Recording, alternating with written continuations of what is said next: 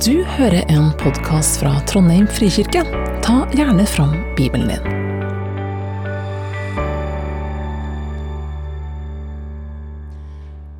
Dagens eh, bibeltekst er fra Matteus 17, 1-9.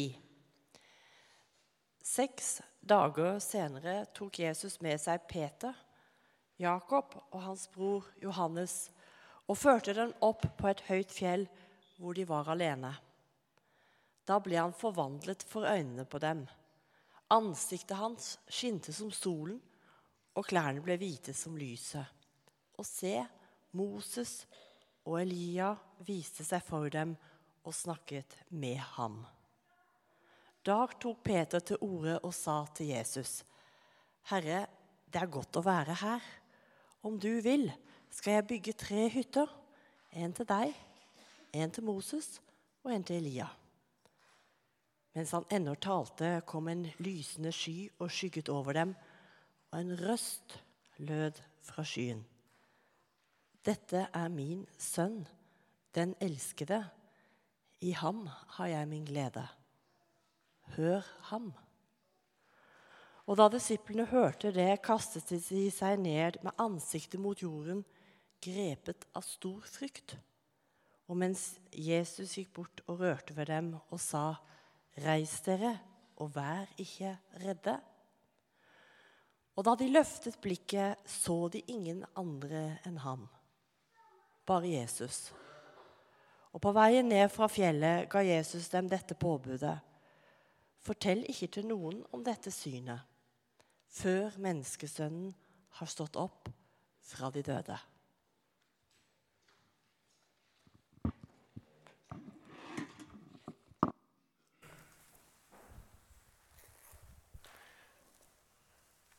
Tusen takk til deg, Ann Torunn. Eh, Ingebrigt, kan du komme opp et lite øyeblikk? Det har jo skjedd hyggelige begivenheter i sommer, som sikkert en del av dere vet. Så har Hilde Marie og Ingebrigt fått en flott datter.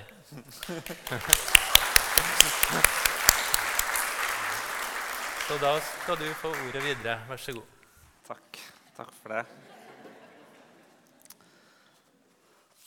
Um, så utrolig fint å se dere alle sammen. Det er utrolig stas å se at det fylles opp i benkeradene.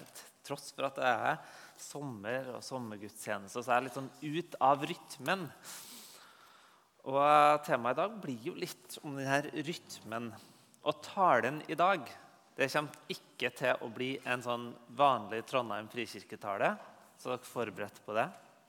Og kanskje ikke en helt vanlig tale, sånn som dere har hørt det før heller. Eh, målet i dag er å kaste et litt nytt lys over det å sitte og holde på med her og nå. Jeg skal gi en litt sånn ny inngang til det å komme til gudstjeneste. Og en begrunnelse for hvorfor vi i det hele tatt feirer gudstjeneste. Og det skal jeg gjøre litt inspirert av en som heter Peter Hallor, som har skrevet denne boka som heter 'Den åttende dagen' og eh, 'Fest i Guds hus', eh, som er utgitt av Den evangelisk-lutherske frikirke, og en del andre ting.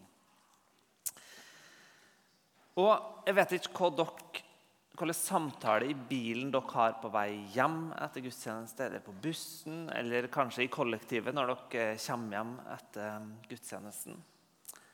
Men veldig ofte så går samtalen på var det en god eller var det en dårlig gudstjeneste. Og Ofte så måles du ut ifra på en måte to kriterier, kanskje tre. Den første var ble jeg berørt. Aktiverte det noe i meg? Fikk jeg noen følelser her? eller var det noe sånn? Nummer to, som jeg tror veldig mange i Trondheim frikirke måler en gudstjeneste ut ifra, er lært jeg noe nytt? Ble jeg mer overbevist? Fikk jeg noe ny kunnskap? Og så det siste var var det et hyggelig fellesskap. Og alt dette her ønsker oss jo. Og så ønsker at dere skal lære noe nytt, at dere skal bli berørt av Gud. At dere skal virkelig kjenne at dette er et fellesskap. Men de her spørsmåla som vi som regel stiller, er også, de har en tendens til å sette meg i sentrum av gudstjenesten, og ikke Jesus. La oss be. Gode Gud, må du nå lede oss i det vi skal åpne ordet. Kom, Hellige Ånd, og tal til oss. La Kristus bli synlig. Amen. Enkelte øyeblikk i livet så er det som om tid får en litt annen betydning. Der fortid, fremtid og nåtid på en måte smelter sammen. Der hendelsen i seg sjøl ikke bare blir noe som er på et fast sted i kalenderen, men flyttes ut og får betydning for hele livet. Og plutselig så kan du oppleve at du på en måte lever i to eller tre forskjellige tidspunkt samtidig. Et eksempel, banalt kanskje, er at hvis jeg går ut og kjenner lukt av stekt løk i et nabolag, så forflyttes hele meg umiddelbart tilbake til det å komme hjem fra barneskolen og runde hushjørnet og kjenne middagslukt. Jeg blir frakta tilbake i tid. Og Sansene våre har ofte den effekten, spesielt berøring og ikke minst lukt, at oss forflyttes i tid. Eller kanskje hadde du mista kontrollen over bilen og eh, begynner å tenke umiddelbart og føle hvordan ville det vært hvis jeg ble handikappa nå? Og Du får den følelsen at du blir flytta fram i tid. Bekymring har jo en tendens til å gjøre det med oss. Men som regel så er det som skjer for fortiden, sterkere. Og hvis du har opplevd sterke traumer eller strever med angst, så kanskje du vet hva, du, hva jeg snakker om. At bare en liten ting kan flytte deg tilbake til det som var så vondt og smertefullt. Det er som om hendelsen her og nå den er helt vanlig, men, men plutselig er du et annet sted utafor den tida vi er her nå. En av eh, gledene eh, med å være gift med en psykolog at jeg har liksom fri tilgang til det som oss eh, moderne forkynnere kaller den andre bibel, nemlig psykologi. Og en liten kritikk eh, av meg sjøl og mitt kollegium der. Men eh, det som hun forteller da, at skjer i det som skjer med sånne flashbacks eller traumer, er det at det som egentlig skulle ha vært i langtidshukommelsen, det blir plutselig flytta opp i arbeidsminnet. Arbeidsminnet det er det vi trenger her og nå for å utgjøre en eller annen oppgave. Og arbeidsminnet Og oss trenger veldig ofte ikke de der gamle tingene som skal være i langtidshukommelsen her. Så ofte så handler terapi nettopp om å få plassert det i riktig kategori. Og Det tenkte jeg var en fin måte å tenke på gudstjenesten. Jeg tror at det vi gjør som gudstjeneste, er å flytte nå fra langtidshukommelsen og inn i arbeidsminnet. Det var ett innsteg. Jeg kommer tilbake til det oss lever i ei tid som er veldig annerledes enn det Bibelens forfattere og personer lever i. Oss lever i ei tid med en veldig tydelig kalender, klokke, alarmer. Det er hendelser etter hverandre. Og når oss blir spurt om oss skal være med på noe, så sier oss 'jeg har tid' eller 'jeg har ikke tid'. Det er interessant at når Jesus blir spurt, så sier han ikke det samme. I Johannes 7, 6 så står det Jesus sa til dem, 'Min tid er ennå ikke kommet.' Eller som han sier i Markus 1, 15, 'Tiden er inne, Guds rike er kommet nær.' Venn om å tro på evangeliet. Og Det nye testamentet er skrevet på gresk. Det um, vet mange. Og Der har de to ord for tid. Det vanlige når oss sier at 'jeg har ikke tid', så kunne jeg altså sagt 'jeg har ikke kronos'. Kronologi. Det passer ikke inn i min kronologi, min kalender, som går med hendelser etter hverandre. Mens i antikken så var de veldig opptatt av at det ikke skulle styre livet. For du kunne jo gå glipp av noe. Ikke som i at du skulle få pakka mest mulig inn i kalenderen, men du kunne gå glipp av øyeblikket, hendelsen. Det som de kaller for kairos. Kairos det er det ordet Jesus bruker når han snakker om han har tid eller ikke. Eller Maria, da tiden kom for at hun skulle føde. Det er en eller annen sånn hendelse som eller en anledning som ikke handler først og fremst om at nå har det gått så og så mange timer. Men plutselig så er hendelsen her. Og veldig mange har kanskje opplevd frustrasjon over at Gud ikke svarer på bønna etter at oss har bedt nå i 30 år for denne personen. her. Hvorfor gjør ikke hun noe? Eller de som har levd på misjonsmarka, har kanskje opplevd at de har jobba og jobba og, jobba, og brukt så mange timer, så skjer det ingenting. Og så plutselig så er det som om det skjer det de kaller for et Kairos-øyeblikk. Plutselig så griper Gud inn. Plutselig så kommer noen til tro, og plutselig så er det sånn tida står stille, og at, at det skjer mye mer. At det er noe spesielt. For Gud tenker litt annerledes om tid. Når Moses møter Gud for første gang på Sinai-fjellet mens han driver og gjeter sauer. Så kommer han inn og så spør han men, men hvem er du? Hva skal jeg si til israelittene når, når jeg har møtt deg nå? Og da sier Gud i 2. Mosebok 3,14 Gud svarte Moses, 'Jeg er den jeg er.' Og han sa, 'Slik skal du svare israelittene.' 'Jeg er, har sendt meg til dere.' Det høres ut som Gud ikke kan grammatikk. For Når vi skal oversette, så sier vi 'Han som var, er og skal bli'. Men Gud sier bare 'jeg er'. Og Det virker som at for Gud så er det bare én en måte å bøye et verb på, og det er presens. Her og nå. Fordi han som er Gud utafor tid og rom, han som er evig, så er ikke kronologien så viktig. Gud tenker litt annerledes om tid. Og plutselig så er han her. Kairos. Du har kanskje hørt om ukens sju dager, men du har neppe hørt så mye om ukens åtte, åttende dag. Begrepet stammer egentlig fra noen sånne gamle mellomtestamentlige jødiske tekster dedikert til en litt sånn obskur karakter i Bibelen med navn Henok. Der det står at Gud har også skapt den åttende dagen, en dag uten år, måneder, uker og dager og timer.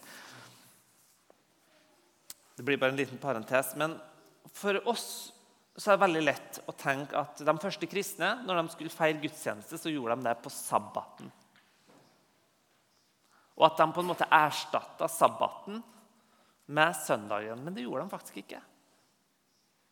Sabbaten kom først, og så den første dagen i uka. Fordi at det står jo i Johannesbrevet kapittel 20 tidlig om morgenen den første dagen i uken kom Maria Magdalena til graven. Den første uken, dagen i uka på en, på en måte en helt vanlig dag. Det var ikke sabbat. det var ikke noe. Samtidig så er det den første dagen. Dagen da Gud skapte lyset. Det er nyskapelsens dag når Jesus står opp. Det er ikke helt tilfeldig at han står opp den første dagen i uka. Det er nyskapelsens dag. Den åttende dagen det er Gudsrikets dag. Da plutselig tid står litt stille. Da det skjer et eller annet nytt. Noe som er uventa. Noe som ikke helt passer inn i vår kronologi. Derfor må du få en helt egen dag. Den åttende dagen er frelsens dag. Åtte, tallet som forbindes for mange med dåpen. Det er derfor døpefonter ofte er åttekanter. Nyskapelsen. Guds rike som bryter fram. En ny tidsregning som starter. Og samtidig en helt vanlig dag i Israel på den tida. De fleste merka ikke at Jesus har stått opp. For Når Gud griper inn i historien, så er det som om evigheten griper inn. Han som er utafor tid og rom, der fort i framtid og nåtid er på en måte det samme. Så Den åttende dagen i uka var for de første, en, første kristne ikke en dag i kalenderen. Det var øyeblikket der Jesu første komme, hans oppstandelse, hans gjenkomst, alt sammen smelter sammen i nåtid. Ikke rent bokstavelig, naturlig nok, men heller ikke symbolsk. Nei, rent åndelig ved at Den hellige ånd kommer tilbake. Den kommer til oss. Så vi feirer altså ikke gudstjeneste først og fremst fordi at nå var det tid og sted, og det passa inn i kalenderen og alle hendelsene etter hverandre. Vi feirer gudstjeneste for å gjenoppleve frelsens mirakel. Og foregripe Jesu andre gjenkomst. Og hvis du ikke henger med nå, så skjønner jeg det godt. Jeg skjønner det godt. Um, og Ofte så er det sånn at når jeg hører folk som snakker om gudstjenesten på en teologisk måte, så sliter jeg jo veldig med å henge med, til tross for at jeg har studert teologi. og alt Det der. Det er lett å gå seg vill i begrep og alt mulig sånn. Og Hvis du ikke skjønner noe, så er det bra, fordi det er et tegn på at du er et noenlunde oppegående menneske. Fordi at vår hjerne klarer ikke å begripe Gud. Det er noen mysterium som vi må leve litt med. Og Det var det for de første kristne, og det er det for oss i dag. Og I den siste delen av talen, andre delen, så skal jeg snakke om hvordan vi feirer gudstjeneste. For det er ikke tilfeldig. Og I Trondheim frikirke så prøver vi å etterleve omtrent den samme rekkefølgen som de første kristne gjorde. Justin Martyr skriver allerede på 100-tallet så skriver han at på den dag som kalles solens dag, søndagen, første dagen i uka, samles alle, enten de bor i byene eller på landsbygda. Man leser fra apostlenes erindringer eller profetenes skrifter så lang tiden tillater. Deretter reiser vi oss alle og lar bønner stige opp. Når vi har avsluttet bønnene, bæres det frem brød, vin og vann, og forstanderen fremsier etter sin nådegave bønn og takksigelse. Til dette sier menigheten jublende amen. Omtrent samme rekkefølge, samme ting som skjer. Og Jeg skal forklare dette litt ut ifra denne teksten som Antorun så fint leste for oss. Om Jesus som tar med disiplene på fjelltur. Fordi at kristne, En del av de første kristne feira faktisk denne dagen til minne om Jesu forklaring. En vi markerer i februar her i, eh, i Norge. Faktisk som den største høytiden i året. At Jesus ble synlig.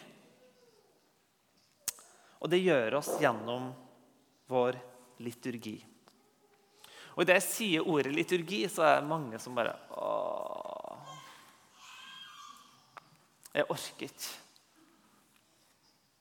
Og Mange av oss har nok et litt anstrengt forhold. ja, Det er nesten som et slags traume som blir flytta tilbake til en eller annen uinspirert gudstjeneste der en eller annen uinspirert prest snakka om en eller annen ting som jeg ikke hang med på. Noen gamle ord som bare virka helt sånn død og tørr.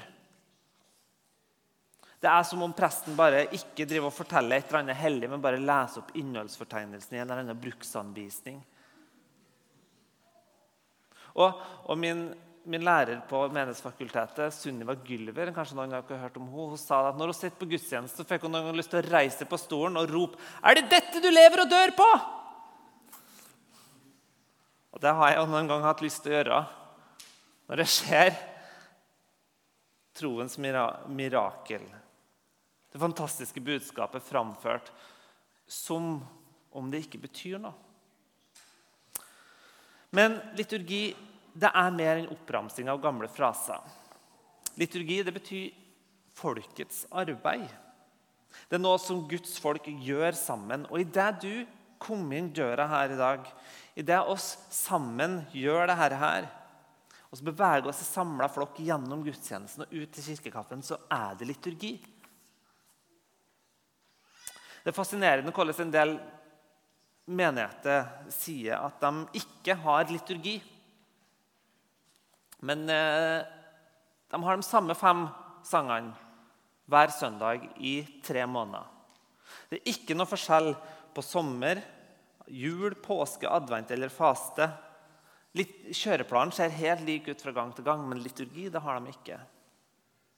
Alle kirker har liturgi. Den bare ser litt forskjellig ut. Og oss i Trondheim frikirke har liturgi.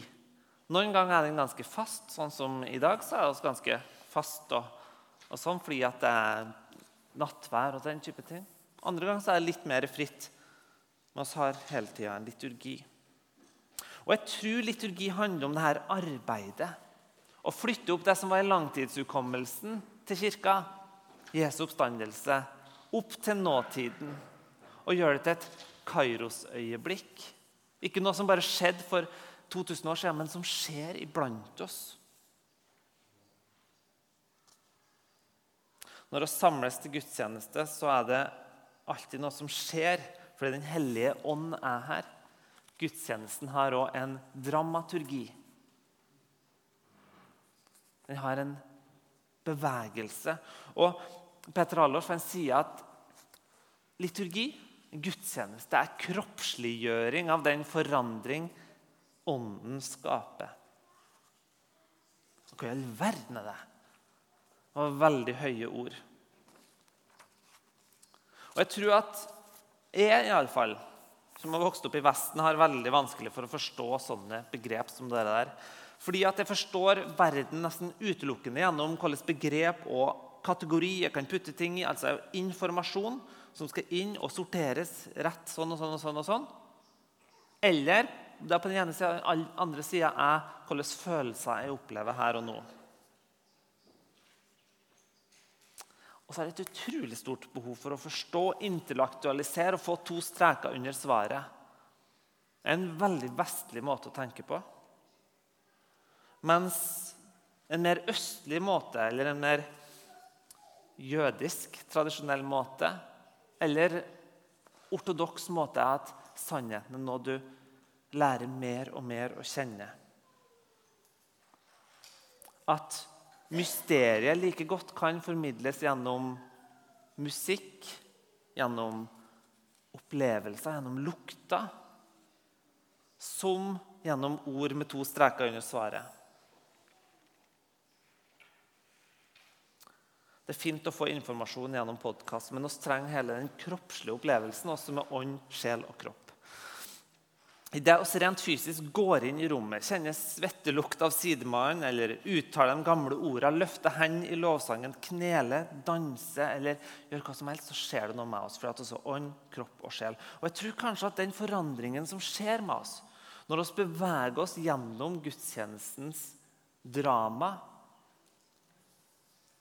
den er mer subtil og, og, kanskje ikke så lett å gripe, men jeg tror det er noe som skjer. Mange ønsker å renske gudstjenesten og redusere den kun til et møte der oss får sangen vår, og der oss får talen vår. Og det er, mange, det er tid og sted for det, men jeg tror vi går glipp av noe.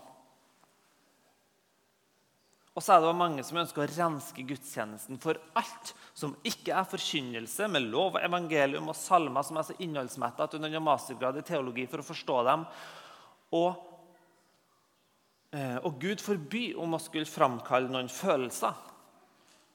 Eller synge en strofe opp og opp igjen.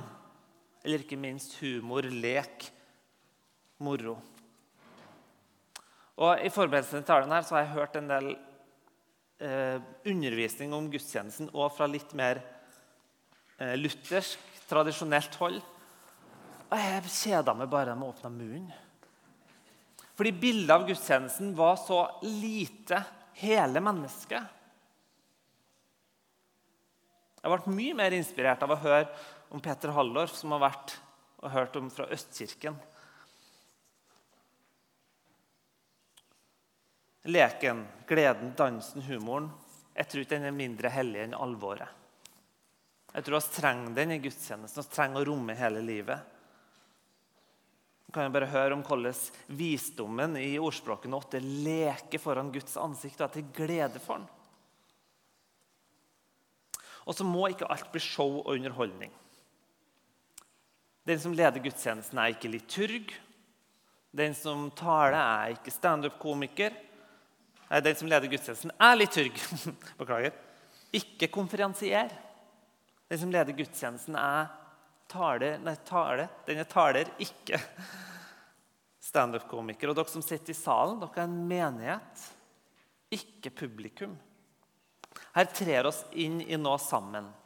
Og hva er det oss trer inn i? Jo, da skal jeg gå tilbake til teksten. Så jeg er glad for at Svein Arne henger med, siden jeg har glemt trykkeren min. Kan trykke et tak tilbake? Nei, den var borte vekk.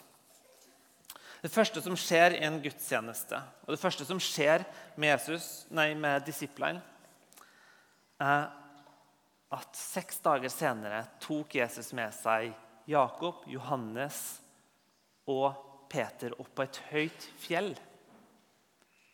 Han tar dem med seg på fjelltur og starter gudstjenesten med en samling. De føres opp på fjellet. Og Det er det som skjer i starten av gudstjenesten vår. Og oss løfter blikket og synger gjerne en lovsang. Oss begynner å be, oss løfter blikket. Men først Men så, mener jeg, så må vi legge fra oss det som er tungt. Vi ber en synsbekjennelse for å legge av oss denne bagasjen som vi ikke trenger å ta med oss opp på fjellet. Og så roper oss til Gud i kyriebønnen for all den bagasjen vi skulle ønske oss ha, men oss ikke ha. så roper Kyrie eleison sammen med Bartolomeus, som satt utafor Jerikoporten når Jesus gikk forbi. Kyrie eleison, Herre, miskunne deg. Og stemme i med alle som lider. Alle som lengter etter gjenopprettelse, nytt liv, tilgivelse og helbredelse. Og så får oss tilsagt syndenes forlatelse. Og Dermed så kan vi reise oss og frimodig tre fram til Gud i lovsang. Rette blikket vårt oppover, være klar til å bestige fjellet med bagasjen liggende igjen. Og lovsangen å synge den er ikke bare lovsang for oss her. Nei, å stemme i sammen med hele Guds folk i hele verden til alle tider. Og sammen med englene i himmelen. Derfor så Når vi reiser oss og lovsynger Gud, så reiser vi oss aldri og synger 'Jeg vil gå dit du går', for da handler det om oss. Nei, vi reiser oss og synger oss 'Amazing Grace', som vi gjorde i dag. Din nåde. Lovsang er ikke en musikksjanger. Det er et innholds... Det handler om innhold. Blikket festa på Jesus, blikket festa oppover mot fjellet. Så kommer de opp på fjellet, og så står det da ble han forandret, forvandlet for øynene på dem. Og Nå er vi i den biten av gudstjenesten som vi kaller for Ordet. Etter at vi har samles og har bedt om tilgivelse og har tilbedt. Og nå er det da jeg skal forandre, forvandle Jesus fra øynene på dere. Og noen har dere sett kanskje litt sånn Hva i all verden har vi får høre i dag? Det er helt greit, det. Dere får komme tilbake neste søndag, så tror jeg kanskje det blir litt mer tydelig. Men oss mottar her nå, som Martin Luther kaller et av de to nådemidlene. Ordet. Gudsordet. Jesus Kristus og Bibelen. Guds skaperord som skapt og nyskaper. Da ble han forvandlet for øynene på dem. Og Det er lett å forstå at Jesus ble og tenke at Jesus han ble forandra for øynene på dem. Det ble ikke han. Jesus ble forvandla. Det som var der, egentlig trer fram. Lyset, herligheten, makten. Plutselig får de se Jesus for den han virkelig er. Og Det håper jeg dere kan få i gudstjenesten her òg. Se Jesus for den han virkelig er. Han er der i hverdagen òg. Like til stede, like nærværende. Men noen ganger er det sånne øyeblikk der Jesus åpenbares. ved Den hellige ånd. Og det er det som skjer når vi kommer sammen, så håper jeg at Jesus åpenbares. Og Nå er det vel kanskje litt mye å forvente at oss gjennom skriftlesning og tale skal bli helt sånn blenda av Jesus hver søndag. Men poenget er jo at gudstjenesten ikke først og fremst er hva oss opplever, men hva som skjer i oss. Så det er ikke Jesus som forandres, det er oss som forandres. Kanskje litt mer subtilt og litt sånn vanskeligere å få hånd om enn oss kan kjenne og se. Men det skjer nå. Og så skjer det at Guds stemme lyd, og disiplene får en reaksjon. De får en respons. Da disiplene hørte det, kastet de seg ned med ansiktet mot jorden, grepet av stor frykt. Det skjer nå med disiplene. Når de får se Jesus, kan han virke som han virkelig er. Deres naturlige respons er å kaste seg ned. Vår naturlige respons her den kan være veldig forskjellig. Derfor så har vi i gudstjenesten her en responstid. Der oss kan få be, oss kan få lovsynge, oss kan få synge noen sanger om hva oss vil gjøre. Oss kan få gå til forbønn, oss kan be for verden, Oss kan ta oppgjør med ting i eget liv. Da er det vår tid med Jesus. Og her skal det være plass til friheten. Sånn at Hvis dere opplever at dere blir minnet om noe som skal deles fra salen, så har vi alltid invitasjon. At dere kan komme fram hit og snakke med oss. Så ser vi om det er tid og sted for det. Og det har oss, og mange lurer på hvorfor, hvorfor, hvorfor har dere den grensen. Kan dere bare gå opp? Jo, det er fordi når det er 200 mennesker her, så trenger vi at det skjer i ordna forhold, sånn som Paulus anbefaler menigheten i Korint. Og så ønsker at dere som kommer opp her, får en god opplevelse. Og at dere ikke kommer fram med noe som dere er utrygge på, eller som kanskje ikke er fra Gud. Ja. Og Noen ganger så er det også ting vi får fra Gud som ikke skal deles med hele forsamlingen, men kanskje i et annet sted.